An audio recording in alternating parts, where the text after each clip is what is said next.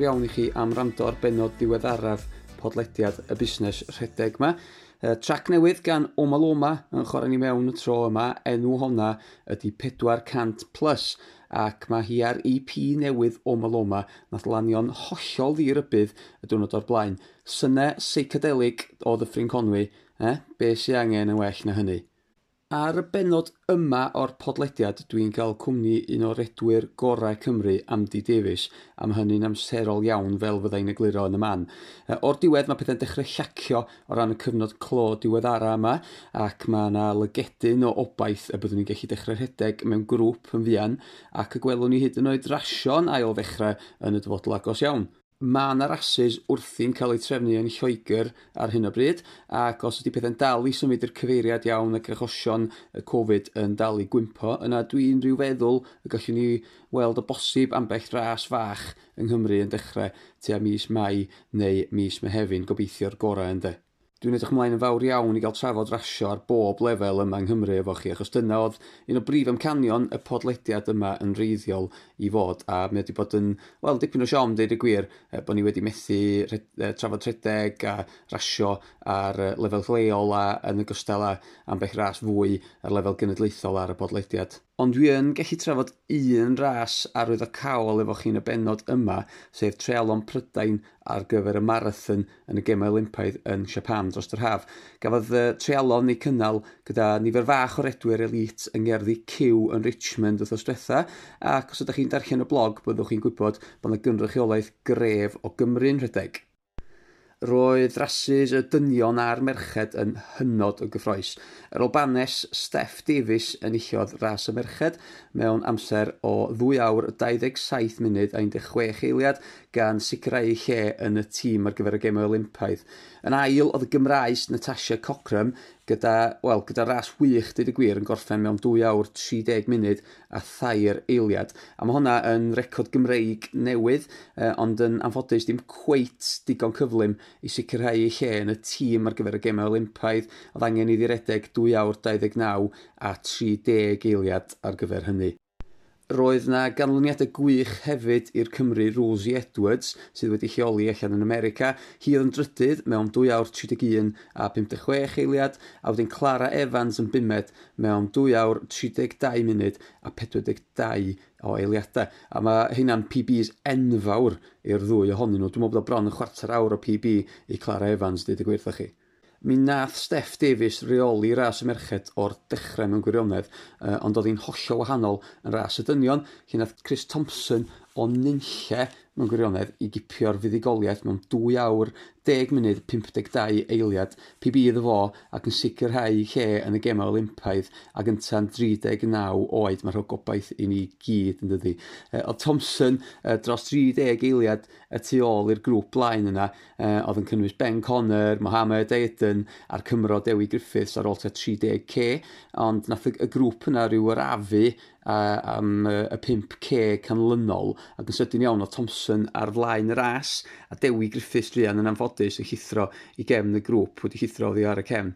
Um, dwi'n siŵr bod Dewi'n siomedig iawn achos oedd o'n edrych mor gry hyd at y 30 km yna ac uh, dewi di bod i ffwrdd gyda anafiadau a salwch mor hir ag ati ac oedd o'n wych i weld o'n edrych mor gry ac wel fo nath reoli ras mewn gwirionedd tu ôl i'r ddau pacemaker ond um, dyna'r marathon i chi mae marathon i chi mae'r um, mae gymaint i gallu newid yn ystod 26.2 milltir yna ac uh, gymaint o ddrama yn gallu digwydd. Mi wnaeth Dewi ddal mlaen i orffen yn bedwerydd yn y diwedd mewn amser o 2 awr 13 munud a 42 eiliad.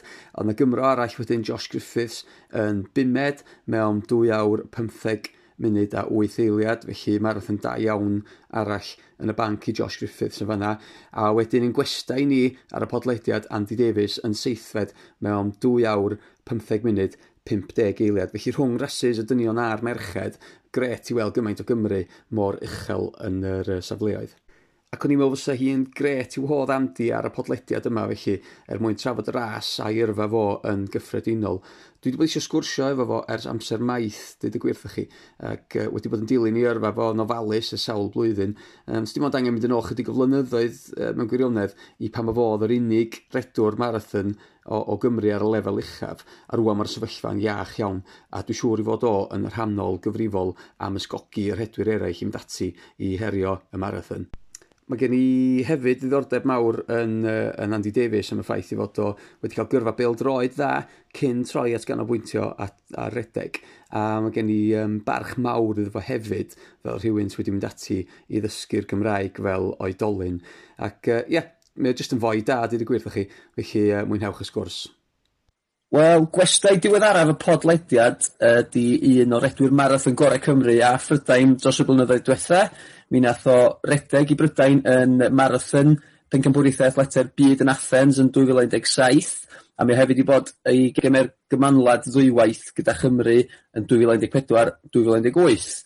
Mae o hefyd wedi bod i bencampwriaeth redeg mynydd y byd, gan orffen yn nawfed yn yr ras pellter hir, a dod yn ail gyda thîm Prydain. Fo hefyd sy'n dal y record Prydeinig ar gyfer y marathon i ddynion dros bedwar deg oed a mi o hefyd yn gyn beldroediwr lled broffesiynol, felly croeso mawr Andrew Davies. A diolch, helo, ti'n iawn? Da iawn, diolch yn fawr. Sut wyt ti, achos wyt ti wedi cael, wel, ti wedi cael wythnos eitha, eitha cyffroes, a o ti'n rhedeg dydd Gwener y marathon yn Kew Gardens, sut, sut wyt ti'n teimlo? Ie, yeah, um, dwi'n Dwi'n hapus fy fy corff yn yn dda hefyd so dwi'n hapus ei bod fy um, corff yn yn dda hefyd ie. Da iawn da iawn dwi'n falch clywed hynny. Dwi wedi bod eisiau siarad efo ti a trefnu'r sgwrs yma ers ers oes ers i fi ddechrau'r podlediad a cyn hynny dwi wedi sgwennu cwpwl o blogs amdano ti a a rhai o'r pethe ti wedi ti 'di gneud dros y blynyddoedd diwetha hefyd. Ond o'n i, cyn gwahodd ti ar y podlediad o'n i eisiau bod 'na rhyw fath o ras i ni allu trafod, felly o'dd hwn yn gyfle gyfle gwych. Da ni recordio hwn chydig o o ddyddiau ar ôl i ti fod yn rhedeg yn y ras bwysig 'na sef um, trials ar gyfer marathon y gem Olympaidd i yn lle yn yn nhîm Prydain. Um, felly dwi'n mynd i ddechrau'r sgwrs gyda hynny. Mae'n oherwydd Covid a popeth o, o pethau bach yn wahanol ar gyfer trials yr Olympics Lenny yn doedd. Unrhyw un sy'n gwrando fel arfer mae y treialon y gem olympaidd yn digwydd yn yn Marathon Llundain um, ond yn amlwg y tro 'ma nathon nhw drefnu ras elite arbennig yn Kew Gardens. Felly pa mor wahanol oedd y oedd y profiad yna i ti? Achos dydy, 'di Prydain ddim rili really wedi cynnal trials fel hyn o blaen naddo? Ie um, gwahanol um, iawn iawn. Um, fel arfer yn Llundain mae mil o bobl bob man ond yn Kew Gardens just uh, you know dan 200 o bobl yna yn, yn gwylio, o, does dim spectators yna, so um, pobl yn you know, handio allan dŵr, pethau fel hynny. So, yeah. um, roedd y atmosfer yn tipyn bach wahanol, um, ond roedd yn cyffroes iawn, just i, i wedi bod yn gofyn i fynd i'r ras yn, mm. you know, just cyffroes iawn, just yeah. i bod rhan, rhan o. Ie oedd o'n proper elite ras roedd. Faint o ddynion, ond y ras ddynion a ras merched, faint oedd yn rhedeg yn, yn y ddwy ras? Yr yw 15 neu dau ddeg o bobl? Roedd un deg pump dynion a un deg pump merched dwi'n meddwl, so felly dim ond 30 bobl yn y ras. Ie, ie. Ie. A sut, sut o ti... Ie, bach, bach. Ie, ie. A sut, sut o ti a, a pawb arall wedi cael dewis i, i rhedeg? Oeddech chi Oedd y trefnydd yn dod atoch chi neu oeddech chi'n yn, t'od, yn entro uh, ar gyfer y res? Um, y standards roedd um, dan 218, dwi'n okay. meddwl Um, yn yeah, ma' nhw wedi gofyn be os wyt ti eisiau gwneud o. Yeah. Um, dwi'n realist dwi'n wedi gwybod ei fod um, y y, y the Olympic standard yn hmm. rhy uchel i fi really, ond roedd o'n gyfle um, dda i cael y standard am y Commonwealth Games. Yeah. So dyna'r um, dwi'n anelu at mm. uh, i cael yr amser 2.15.30 yeah. ar y diwrnod. So, ia, yeah, felly mae'r ma afon um, ar gyfer yr tîm yr Olympics oedd, um, wel, i, i, i gyrraedd y tîm i'r dynion, oedd rhaid uh, gorffen yn y ddau uchaf, dau safle cyntaf, a um, rhedeg 211.30, um, so hwnna oedd oh. qualify o'i tîm um, Prydain, um, ac oedd, dwi'n meddwl mae Ben Connor oedd yr unig un oedd wedi rhedeg yr er standard cyn um, y ras, ynddo, a mae Callum Hawkins yn pre-selected yn dydy mi o mewn yn barod. Ond mae dy PBD, fel o ti'n dweud, mae dy PBD'n uh, 214.36, dwi'n meddwl, ydy PB ti'n dweud, felly ti Fysa yeah. fo massive PB set ti wedi cael mewn. So, a'i, ai dyna oedd, so, ai jyst y cyfle, does dim lot o rasio wedi bod, felly o ti jyst yn gweld o fel cyfle da i rasio mewn ras gyda lot o redwyr o safon uchel, um, a hefyd gobeithio cael yr amser i'r Commonwealth, ai hwnna oedd yr, oedd yr, y plan i ti? Ie, yeah, na fo, um, roedd yn gwych jyst i, wel, rhedeg efo pobl fel Tom Moe and Ben Connor, Callum yeah. hefyd jyst yn bod yn y yr un ras efo nhw. So um, yeah, roedd y cynllun yn cael yym y standards am y gemau Come lad ond um, mae pethau yeah, just ddim yn digwydd ar y diwrnod ond um, dwi'n dwi rwy'n ro'n i'n hapus iawn efo fy amser. Yeah. Um, two fifteen fifty. Mm um, just ugain eiliad allan y, yr amser dwi'n angen, ond ar ôl 5 km dwi'n wedi gwybod a ddim heddiw dwi'n meddwl, mae um, dwi ddim siŵr be, mae'r um, pace yn eitha rhy gynt yn teimlo. Yeah. Um, yeah, roedd y pac yn um, surgeon, rhy gynt, rhy a- ar afn ie does dim um, consistent pace so roedd yn anodd. Dwi ddim meddwl am ei fod y gwynt yn helpu ni chwaith Um, roedd o'n eitha grif lawr y back straight really, so Yeah. Yeah, but o'n i yn y grŵp yna yy helpu fi hefyd Um, tipyn bach but ie. Wel ie achos yn yn seithfed yn y diwedd sydd dod o ystyried safon y, yr hedwyr, t'o, o seithfed yn gret, ac oedd, oedd lot o boes wedi dropio allan hefyd, ti'n gwybod, oedd um, rhedwyr cryf iawn, oedd, oedd Matt Close, dwi'n meddwl, wedi, wedi dropio allan, oedd, t'o, da mi wedi bod yn rhedeg yn dda. Um, yeah. Mae rhaid ti fod yn hapus gyda'r gyda, gyda, gyda safle yna. So, dwi'n siŵr bod ti bach yn siomedig bod ti mor agos, to, 20 eiliad off, off yr amser i'r Commonwealth. Ah, ie. Yeah dwi ddim yn siomedig o gwbl. Um, dwi'n cael y y cyfle i cael yym yr amser um, yn y yn y Hydref sori. Um, efallai yn yn Marathon Llundain. Um, so dwi'n cael you know y cyfle eto. So dwi ddim yn siomedig o gwbl. Na mae mae o'n ma'n anodd gyda'r marathon dydi? Achos wt ti'n t'o' ti'm cael lot o chances mewn blwyddyn i i rhedeg amser da. Ma' rhaid i'r um, yeah. Y ser i gyd y leinio yndoes ti'n gwbod a bod yr conditions yn iawn, bod y cwrs yn iawn. Ie ie. A. Ie. Ond dwi'n meddwl bod ti'n mor consistent t'od a wyt ti'n cryfhau trwy'r amser dwi'n eitha siŵr nei di gael yr amser yna i'r i'r gemau gymanwlad yn yn yn fuan iawn. Yy t'o' o'dd yr o'dd o'n ras um, eitha anhygoel rili i i rywun o'dd yn gwylio yym t'o' fyswn i 'di hoffi gweld ti Dewi neu Josh yn ennill y ras wrth gwrs ond uh, fel fel Cymro ond yym o'dd o'n grêt gweld pa mor falch o'dd yym o'dd Chris Thompson nath nath ennill Um, ac o'dd o ddim do'dd o ddim yn y grŵp t'wod gyda gyda Dewi Griffiths a a Ben Conner um, o'dd o ddim gyda'r grŵp o'dd Callum a a Jake Smith yn yn peisio nag oedd? A wedyn nath o just dod o dim un man. Nes nes di siarad gyda gyda Tomo ar ôl y ras o gwbl, oedd o'n um, oedd o o'dd o weld yn hapus iawn?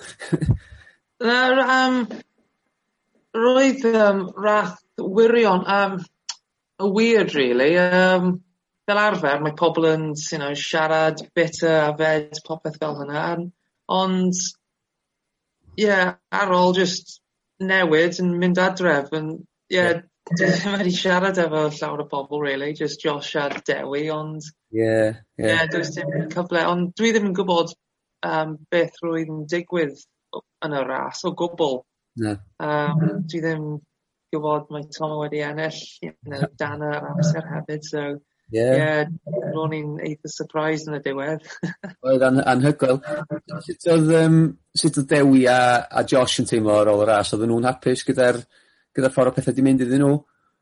Um, mae Dewi yn siomedig. Um, mm. You know, siawns ola, really, i mynd, Wel, ddim arno fo, ond Yy mae o cael cyfle eto yn y dyfodol ond mm. ar ar Olympaidd yma yym cyfle ola so roedd o'n siomedig iawn yym ie ie I feel sorry for them both. Ie o'dd o o'dd gyda Dewi oedd o'n um, o'dd o'n edrych mor gyfforddus at at 30k, ti'n gwybod? Oedd o'n edrych yn... Ie. Oedd pobl yn dweud mae Dewi yn edrych mor gryf mor cyfforddus ie. yeah, Ond dwi yeah, ie y chwech milltir ola'n... mm. um, mor anodd mae o wedi dweud it's ie yeah. ei i jyst wedi mynd. Ie oedd na o'n i'n edrych ar yr um, splits ac oedd y 5k na rhwng uh, 30 a a tri deg pump K lle oedd oedd Thompson wedi cadw i pace yn yn... Ie. ...yym fif- t'wo fifteen thirties fel yna ar gyfer y 5k lle oedd um, yn amlwg y pace 'di dropio off unwaith oedd y pacemakers wedi mynd oedd y y bois... Ie. ...blaen wedi dropio off oedd dwi'n meddwl Dewi 'di rhedeg rwbeth fel sixteen thirty five K yn fyna felly oedd o just ie yn amlwg yn yn stryglo erbyn hynna felly ie mae'r ma marathon... yeah. ...yn eitha dramatic yn yndydi'n gallu bod? Ie yeah. Uh, dwi ddim yn siŵr beth am y pacing ar y flaen yym efalla'r ugain. Mm. Dwi ddim yn siŵr, 209.30 pace. So, yeah, yeah. Um, nhw... Ddim yn helpu nhw, really. Na. na, Efallai. Dwi ddim yn siŵr, really. Pa, pa mor anodd ydi o i pace dy hun yn marathon, achos os ti'n teimlo'n dda, ti just, ti eisiau mynd gyda'r pace yn dweud, ti'n gwybod, ond so, dwi wedi sylwi gyda ti bod ti'n da iawn am paceio dy effort. Um, dwi'n meddwl mae, o, oh, yn y Gold Coast adeg um, y, y, y Commonwealth sy'n fanna, nes ti ddod trwodd yn yn gryf yn ail hanner y ras yna yndo? Ydy o jyst yn dod, t'o' faint o marathons wyt ti wedi neud? Wyt ti wedi neud 20? Uh, 25 nawr, dau deg pump nawr ie, ie. Felly jyst yr profiad yr experience yna ydi o ti'n ti dysgu sut i i peisio dy hun. um, yeah, dwi'n meddwl um, roedd rhywun yn ein grŵp um, yn just mynd rhy gynt wedyn araf yn... Ie. Yeah. Dwi'n ...meddwl um, yeah, just messed his race up efalla Um, so hefyd dwi'n pedwar um, un oed nawr so dwi ddim gallu mynd rhy gynt mm. you know mm. dan pum five mile an hour yeah. sorry 5 minute mile and dwi'n gwybod mae'n rhy gynt i fi so yeah. os pobl yn um, mor ifanc yn gallu neud o ond dwi ddim gallu you know yn ystod y ras Ie. Yn yn y marathon hefyd Yeah, so... Ie. A dwi'n meddwl ei fod dwi'n gwybod pa fath o pace dwi'n gallu neud. Yeah. Ie. So ti'n ti'n ti'n da iawn am sticio'r i'r plan wedyn oed? Ie ie dyna cynllun yn y diwe- ar y dechrau just, right, dyna dy cynllun you know sticio efo fo paid yn mynd um, efo grŵp o flaen ti don't um teimlo rhy um, hyderus yeah. yn fynd yeah. efo fo, you know, just drop nôl tipyn bach yn mm. just neud y ras dy hun, ie. Ie, ie, na, mae rhaid, yeah, ma rhaid bod yn eitha strict, dwi'n meddwl, gyda dy hun. Ie. Yeah. Mae'r... Um... yeah, yeah, gyda um, yn teimlo hyderus i wneud o hefyd, ie. Yeah. Ie. Yeah, Let pobl arall yn mynd. Ie yy dw dwi me'wl gyda rasys t'wod ten K's neu, neu hyd yn oed half marathons wyt ti'n t'wod ti'n gallu t'o' cymryd bach mwy o gamble yn yr yn y pellter yna achos t'wod wt ti ddim yn rhedeg am t'o' ma' llain y 90 munud yn dydi, ti'n fod o effort lle unwaith ti dros y ninety minutes 'na ti'n yn gwbod sut mae corff ti'n mynd i i ymateb yn dweud, ti'n gwybod pan mae'r glycogen reserves yn dechre... Ie ie 'na fo ie. Ie yeah, mae'r marathon jyst yn um, yeah, mae o'n mae o'n beast gwahanol dwi dwi'n meddwl ti'n gwybod ond... Ie. ...ond mae o'n mae o'n exciting t'o' mae o'n exciting iawn hefyd dwi'n meddwl achos yy ma' gymaint yn gallu digwydd a newid mewn ras t'od mae mae right i'r diwedd hefyd ie. Ie. Ac oedd, oedd y y trials dydd, dydd Gwener yn uh, esiampl gwych o hynny. Dwi... Ie. O'n eisiau holi un peth i ti dwi'n gwybod bod ti'n treinio lot gyda Johnny Miller Um, dych chi'n rhedeg i yy y tîm yy New Balance ie yn yn Manceinion a oedd Johnny'n un o'r rhedwyr oedd gyda'r amser qualifying i'r Olympics a oedd wedi rhedeg i'r amser dwywaith ond oedd o o'dd o methu oedd o yym gyda anaf yn doedd. felly oedd o methu rhedeg dydd Gwener felly pa mor gutted oedd o bod o ddim wedi gallu gwneud y tîm i'r Olympics? O mae'n gutted iawn iawn mae o wedi wneud popeth really, i um, cael yn y tîm. Um, wedi cael yr amser dwywaith. Mm. Um, wedi wneud y trial um, llynedd. Wedi cael you know, top two yr amser popeth. And, yeah. yeah, freak injury allan y res. And, yeah, ddim gallu mynd nawr. And, yeah, mor gutted efo fo. Yeah. yeah. yeah. Ond, um, wel, gobeithio bydd o'n bwnsio nôl, ond e, ti'n gwybod, mae o'n... Um, Dwi'n meddwl bod yn ôl yn rhedeg yn dydi? Fe- f- wedi ca'l yym ie o'dd o issue gyda'i uh, compression socks neu rhywbeth oedd? Ie yeah, gout oedd y um, injury yn y diwedd ie Yeah. ond mae o'n nôl rhedeg just tipyn bach nawr ie.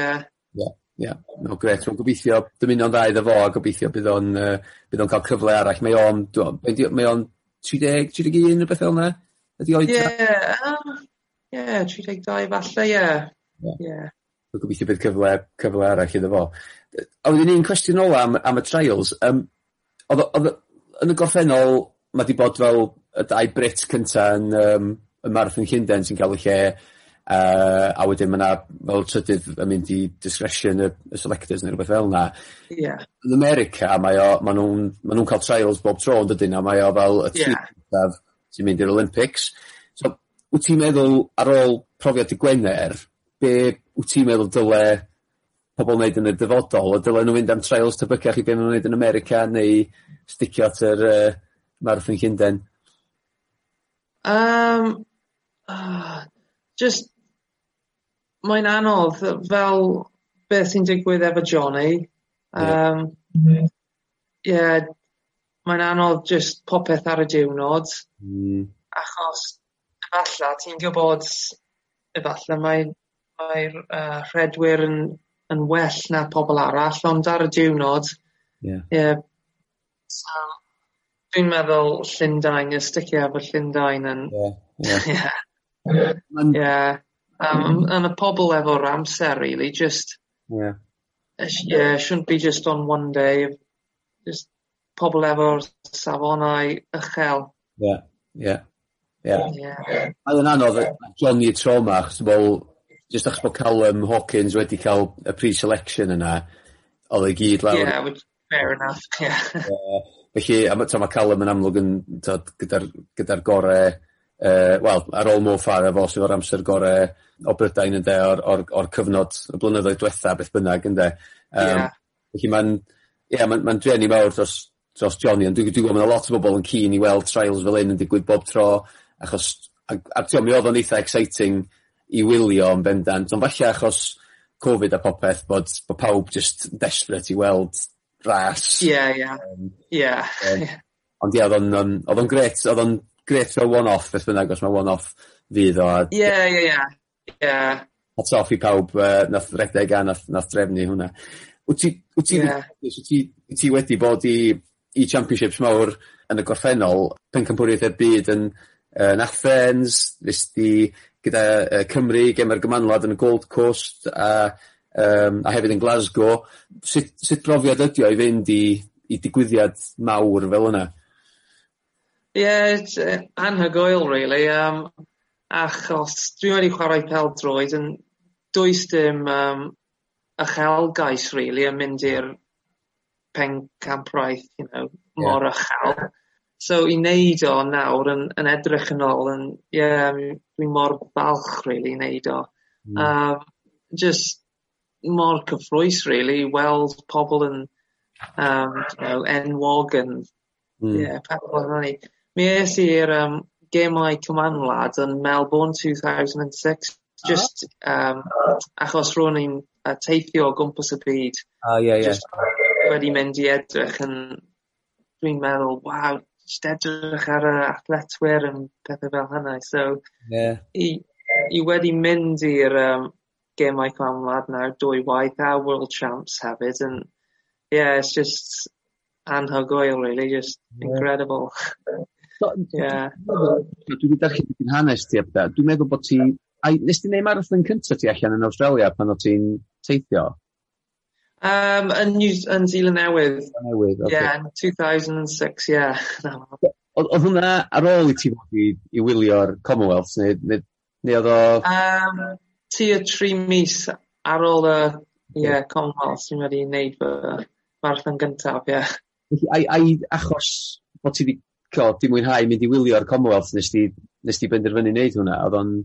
Um, na, dwi eisiau... Um, pan ro'n i'n trafeilio tua naw mis, dwi'n dwi eisiau wneud un, mm. ond does dim, does dim un ar y, ar y travels. Uh, ond pan ro'n i'n yn Sydney, dwi wedi wedi um, gweld y ras yn Christchurch yn tri mis, uh, y ah. marathon Christchurch, so yeah. dwi wedi ymarfer am tri mis. Oedd amser ti ar gyfer y marathon cyntaf? Beth amser? Um, 2.52. O 'na ti. So oedd o sub 3, felly oedd o ddim yn bad start nag oedd? O'n yy... Na na na ddim o gwbl, na. O' ti ne- dwi eisiau dwi isio trafod y pêl-droed gyda ti wedyn ond dwi'n meddwl o' ti'n o' ti'n rhedeg bach yn ysgol o' t- o' ti'n t'od rhedwr o' ti'n neud traws gwlad a bach o redeg mynydd ag ati yn ysgol o fe, hefyd? Ie yeah, 'na fo Um, yeah, prime school a ysgol uwchradd hefyd ie. Yeah. Felly oedd o o'dd o ddim yn rhywbeth hollol newydd i ti o' ti t'od t'o' yn amlwg o' ti mae lot o o sylw i'r ffaith bod ti'n chwarae pêl-droed a wedyn 'di fynd i redeg am hynna i rywun sydd wedi gwneud yr un peth ti'n gwybod, mae hwnna'n yn ddiddorol. Oedd gen ti um, uh, t'od oedd y deulu di yn mewn i redeg ag ati? Yy fy nheulu yn Ie, yeah, roedd tad yn neud tipyn bach o traws gwlad yn ysgol hefyd. Okay. Um, wedi chwarae pel droed am tîm lleol. Ie. Um, fy mawd wedi chredeg hefyd. Ie. Yym. Ond dwi'n meddwl ei bod ro'n i'n y person gyntaf i dechrau y you know rhedeg yn y teulu yn okay. pobl arall yy you know dad a brawd wedi dechrau ar ôl fi yn yn dechrau. Yeah, yeah. Yeah, dwi'n meddwl. Achos wt ti'n ti rhedwr mynydd da iawn hefyd nes i sôn bod ti wedi bod i pencampwriaeth y byd gyda gyda rhedeg mynydd a Twitter handle ti ydy fel fel Running Andy. Felly... Ie ...ai ai rhedeg mynydd ydy dy dy gariad cynta ti? Ai ai t'o' fel runner wyt ti? Ie ie dwi'n dwlu fel running it's yeah. Um, does dim llawer o cyfle rili i neud o nawr efo ymarfer am y marathon pethau fel hynny ond pan dwi'n cael y cyfle dwi'n yeah, dwlu just ymarfer neu rasio'n. Ie dwi ddim yn siŵr pam, dwi'n just dwlu rhedeg i bynnu mynydd. Yeah. ddim llawer o bobl yn, yn dweud hwnna, ond ie, yeah. dwi'n dwlu fo. Dyna ni eisiau holi ti rili, pan mae anodd oedd o'i jyglo y dau beth, achos dwi'n gwybod blwyddyn diwetha, nes di nes di lwyddo ni marathon, dwi'n meddwl, yn, do, yn y diwedd, ond nes di dipyn o rhedeg allan yn yr Alps hefyd, dwi'n meddwl, o'n i'n gweld ti, o ti'n neud dipyn o, o treinio yn y mynyddoedd blwyddyn diwetha hefyd? Yeah, altitude training um, yn Swiss Tier um, haf diwethaf. Um, ond achos y Covid, does dim um, rasio yma ym Mhym Mhrydain, wel dim llawer, ond roedd o'n cyfle i wneud y ras allan yna hefyd, so yeah, yeah pam lai.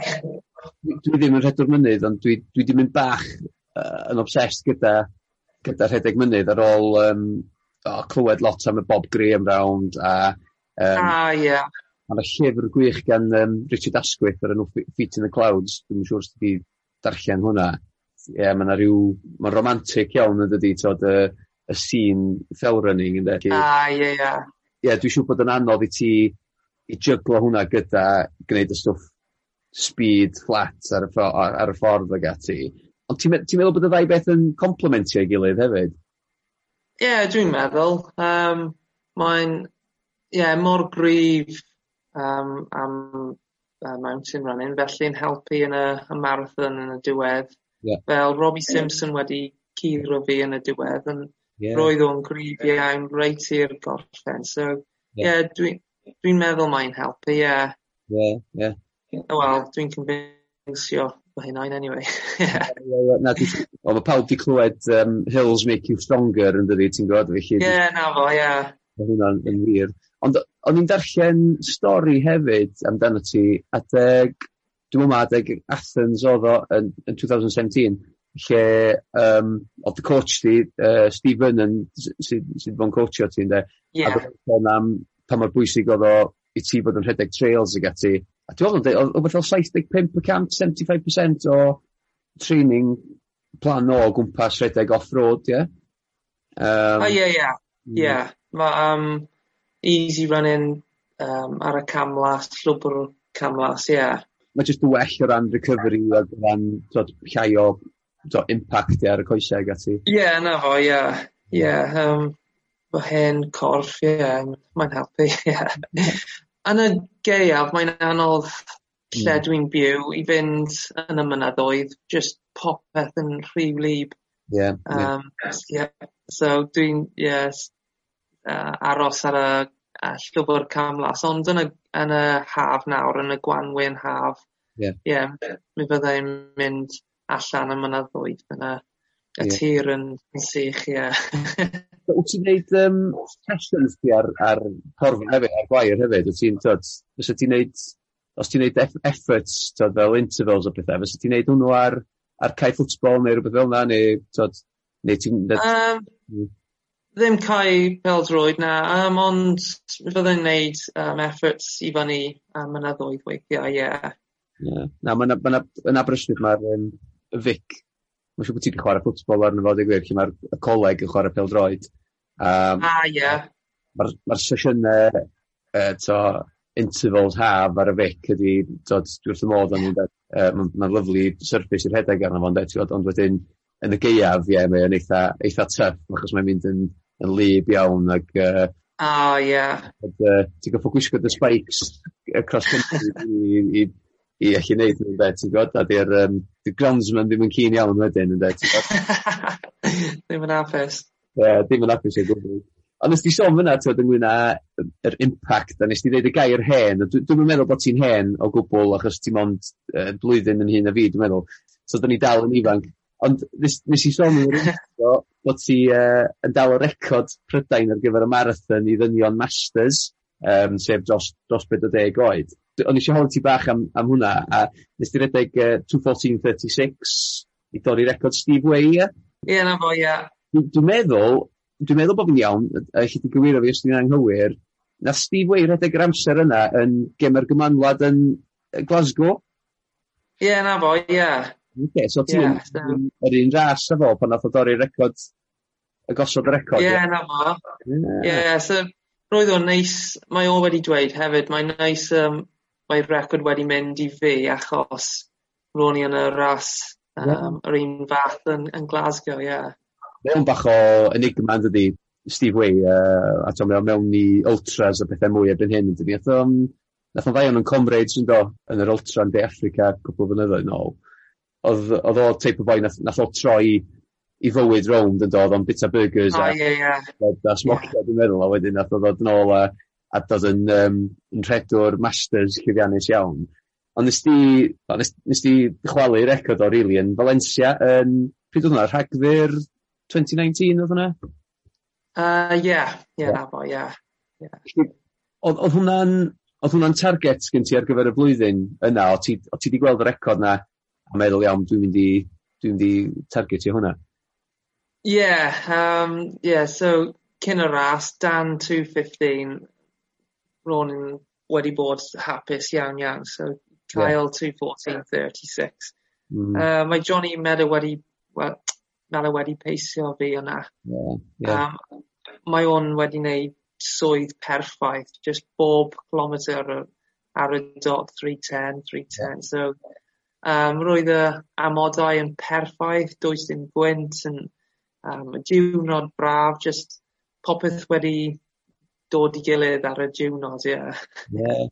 Mae ie ma' Valencia'n fast yndydi mae'n gwrs cyflym Um, so ai ai yd- yd- t'od jyst yr amser o flwyddyn a bod y cwrs yn fflat a dim dim bends mawr neu t'od be' be' di'r rheswm bod o mor gyflym ti'n meddwl y cwrs yna?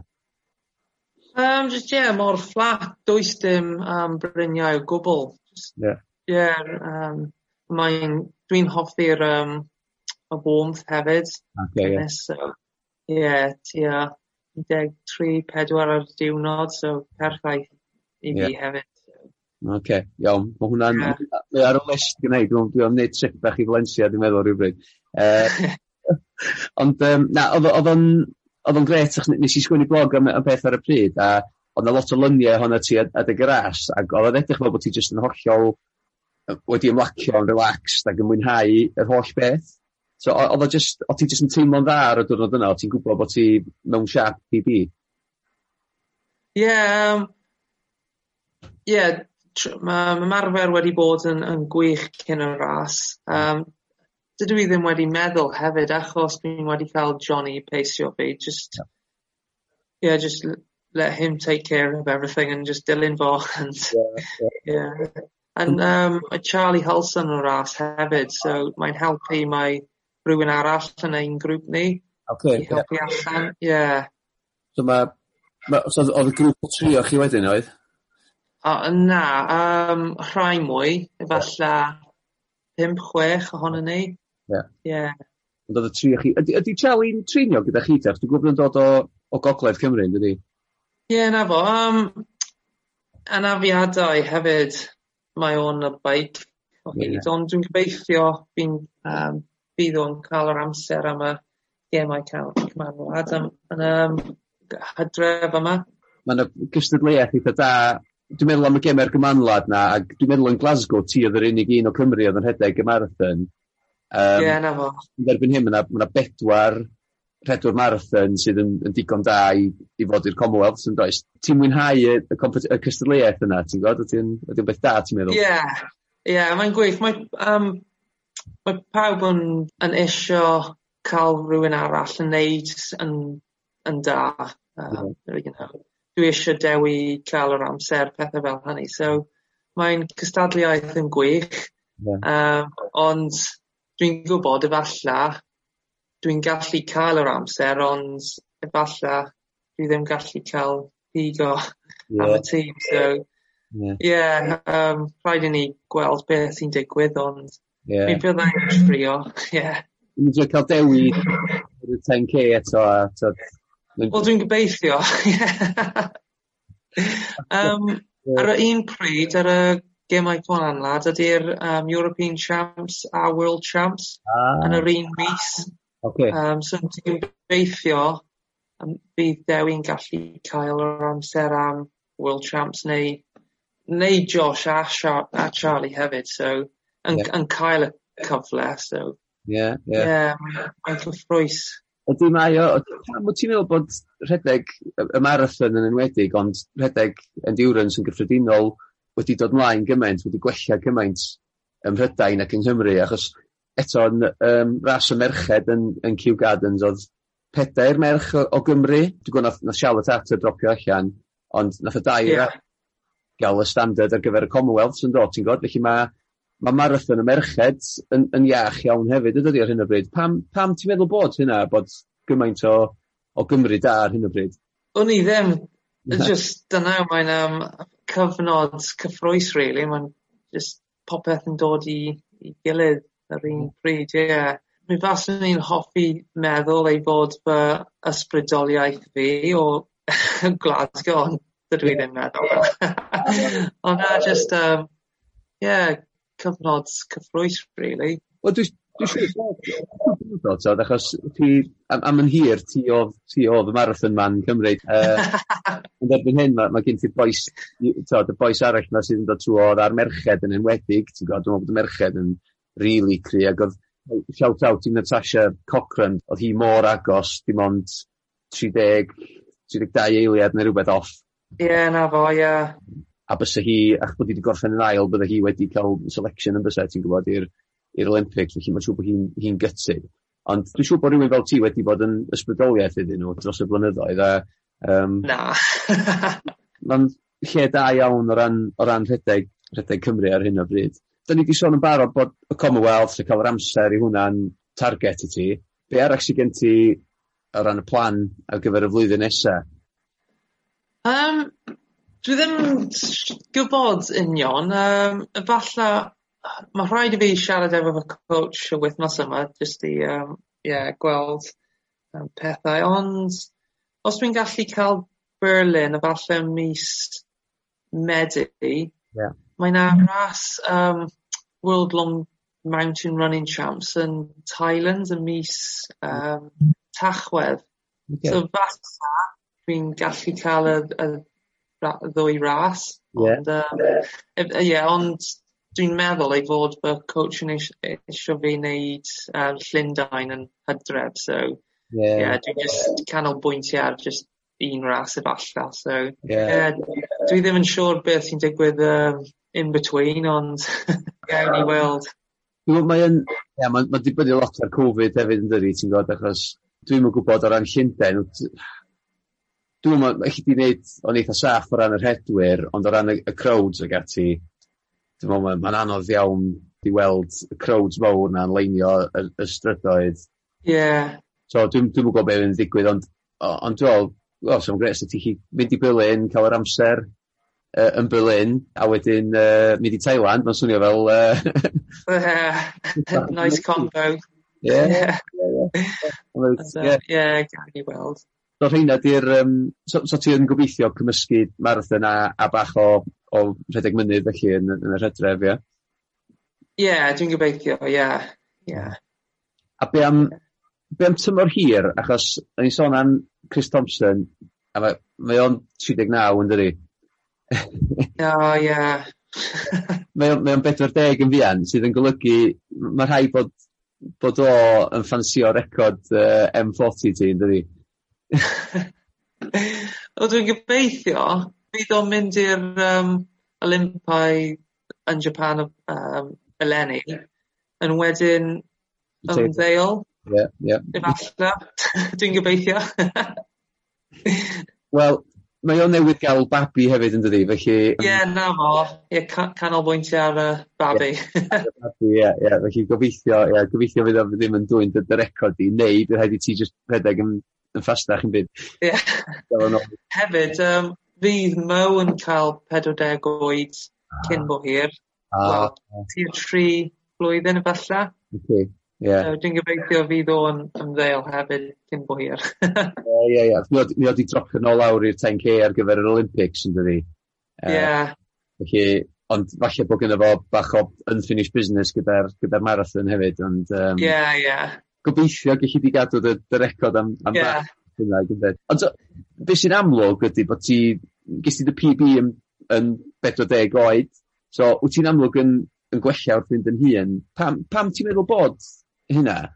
Efalla, dwi'n wedi cael ymarfer properly am saith um, blynedd nawr, efalla mae um, y consistency yna, ie? Er, er, um... Ie, yeah, falle. Llawer o milltir oedd dros y um, flwyddyn oedd yn Ie. Ie just dod i gilydd yn efallach dwi dwi ddim yn gwybod, ond ie. Yeah. So wyt ti wt ti'n meddwl gallu di gwella dy PB eto? Ti'n meddwl gallu di wneud fynd yn gyflymach achos... Um, dyna cynllun ie yeah, dwi'n gobeithio dim dim gan llawer ond falle um, cwbl o eiliad ie. Yeah. achos chydig bach cyn i ti gael y PB yn Valencia nes di gael PB half marathon, dwi'n meddwl, yn Lake Fynwyd o? Ie, yeah, na fo, ie. Yeah. Na ti, yeah. o'n i'n rhedeg yn yr as yna, ag A dwi'n meddwl, nath Johnny Mellon nath ennill hwnna, ie? Ie, yeah, na fo, ie. Yeah. Nath chi redeg gyda'ch gilydd y ras yna. Ie. Yeah. Um, yeah, dwi'n gobeithio i cael PBs am y 10k hefyd. Dwi'n gobeithio. Dwi ddim yn yeah, gorffen efo 10k eto. Dwi'n dwi gwybod unfinished business yna, dwi'n meddwl dwi'n meddwl, ie twen- twenty nine forty nine ydi PB sai'n credu? Ie yeah, 'na fo ie. Yeah. Ie dwi'n meddwl dwi'n gallu cael hwnna. Ocê pryd pryd nes ti redeg y PB yna? Um, ti ww dau blwn, blynedd yn ôl falle. Ie ie. Ie. Ie. Dydi ddim jyst bod ti'n yn cyflymu dros y marathon wyt ti'n Uh, wt ti jyst ma' dy speed di'n yn gwella dros y, y pellteroedd byr. Ie, yeah, dwi'n meddwl. Dwi'n meddwl wedi cael fy 5 km um, yna ma uh, mis chwefror diwethaf, so... Ie, ie. Ie. Hmm. Dwi'n gobeithio, ie. Mae rhoi bach o hyder i rywun fel fi sydd yn hen hefyd. Gweld, a Thompson hefyd, ynddo, Thompson hefyd. Ie. Ti'n weld yr hen. Mae'n amser. Ie ma' digon o amser. Ond o'n i eisiau siarad efo ti hefyd dwi'n o'n i'n arfer chwarae pêl-droed wel nesh i chware pêl-droed am ugian mlynedd hefyd cyn troi i canolbwyntio ar y rhedeg. O gwneud i ddiddor- wastad diddordeb yno ti fel rhywun oedd, oedd wedi chwarae pêl-droed. Nes ti chwarae yn y Welsh Prem do? Ie 'na fo ie ie. Caer Sws. I Caer Sws ie so oedd hynny... Ie. So, am pan mor hir nes ti chwarae pêl-droed ar y safon da? Um, ti tua'r deg tymor dwi'n meddwl, am Carsws, ie. Yeah. Ie, roedd o'n, um, ie, cyfnod cyffroes, really, um, yn chwarae pel droed. Um, Rydyn ni'n cael y tîm dda hefo, hefyd, um, roedd pawb yn lleol, yeah. dyna helpu. Um, uh, wedi ennill um, y League Cup tair waith. Well, ie. Ie, Yeah, they were good days. Yeah, yeah. Felly, pa, pa, pa safle o ti chwarae? Midfield o ti? Um, bob man really. Um, wedi dechrau, yy dechrau y Blaenor wedyn yn y Canol cae, Ie. ...wedyn wing back yeah, bob man really. Ie yeah, so ma'n ie Canol cae o'n i'n chwarae, uh, a o'n i wastad yn rhedeg lot yn y gêm ti'n gwbod felly o'n i'n gwybod... A ie na fo ie. ...so falle o'n i'n rhedeg bach gormod i fod yn onest efo ti ond So, Ie. ...diddordeb gwybod, oedd oedd ti oedd o wastad yn rhan o'r plan ar ôl ti orffen chwarae pêl-droed mynd i i rhedeg wedyn?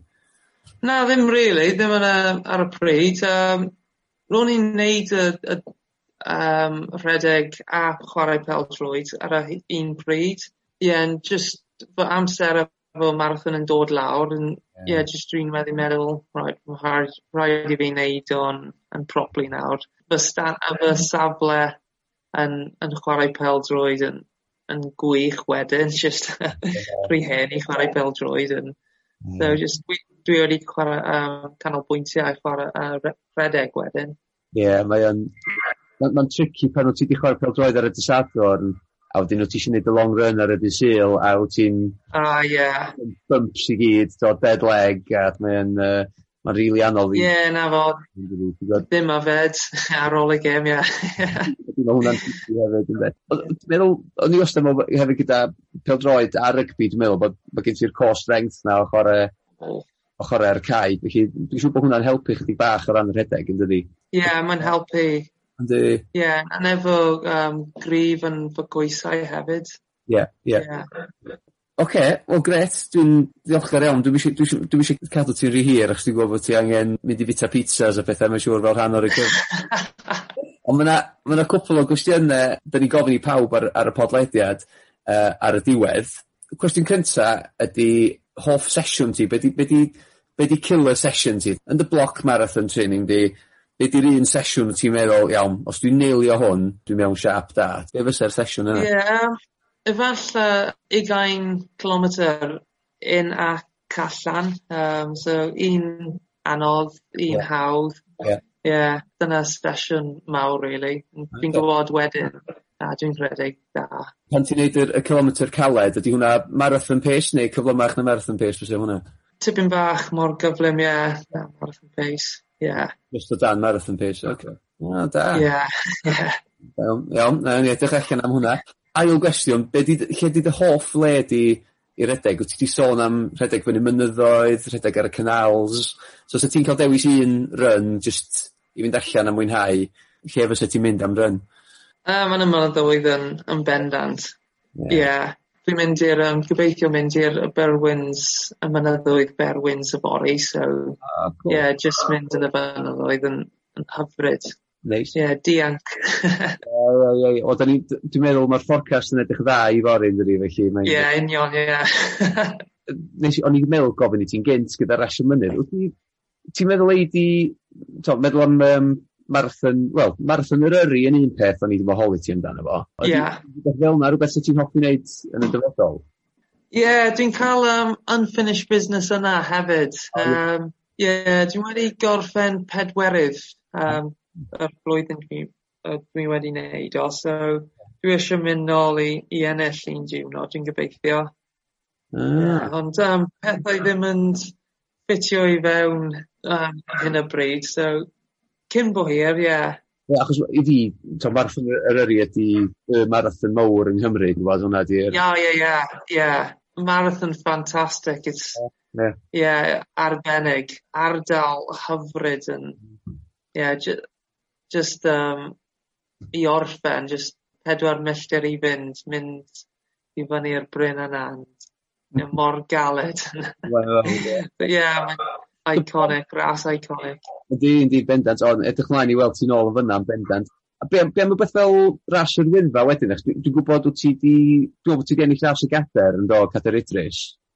Ras y wyddfa, mor galed. Um, o, dwi, ie, yeah, mae achos mae ras yn mis Gorffennaf, fel arfer mm. dwi'n mynd um, altitude training fel arfer am y marathon yn y hydref, so mae ddim yn really ffitio i, i gynllun o hyn o bryd, ond ie, yeah, eto mae'n ras ffantastig yn just mor iconic, so yeah.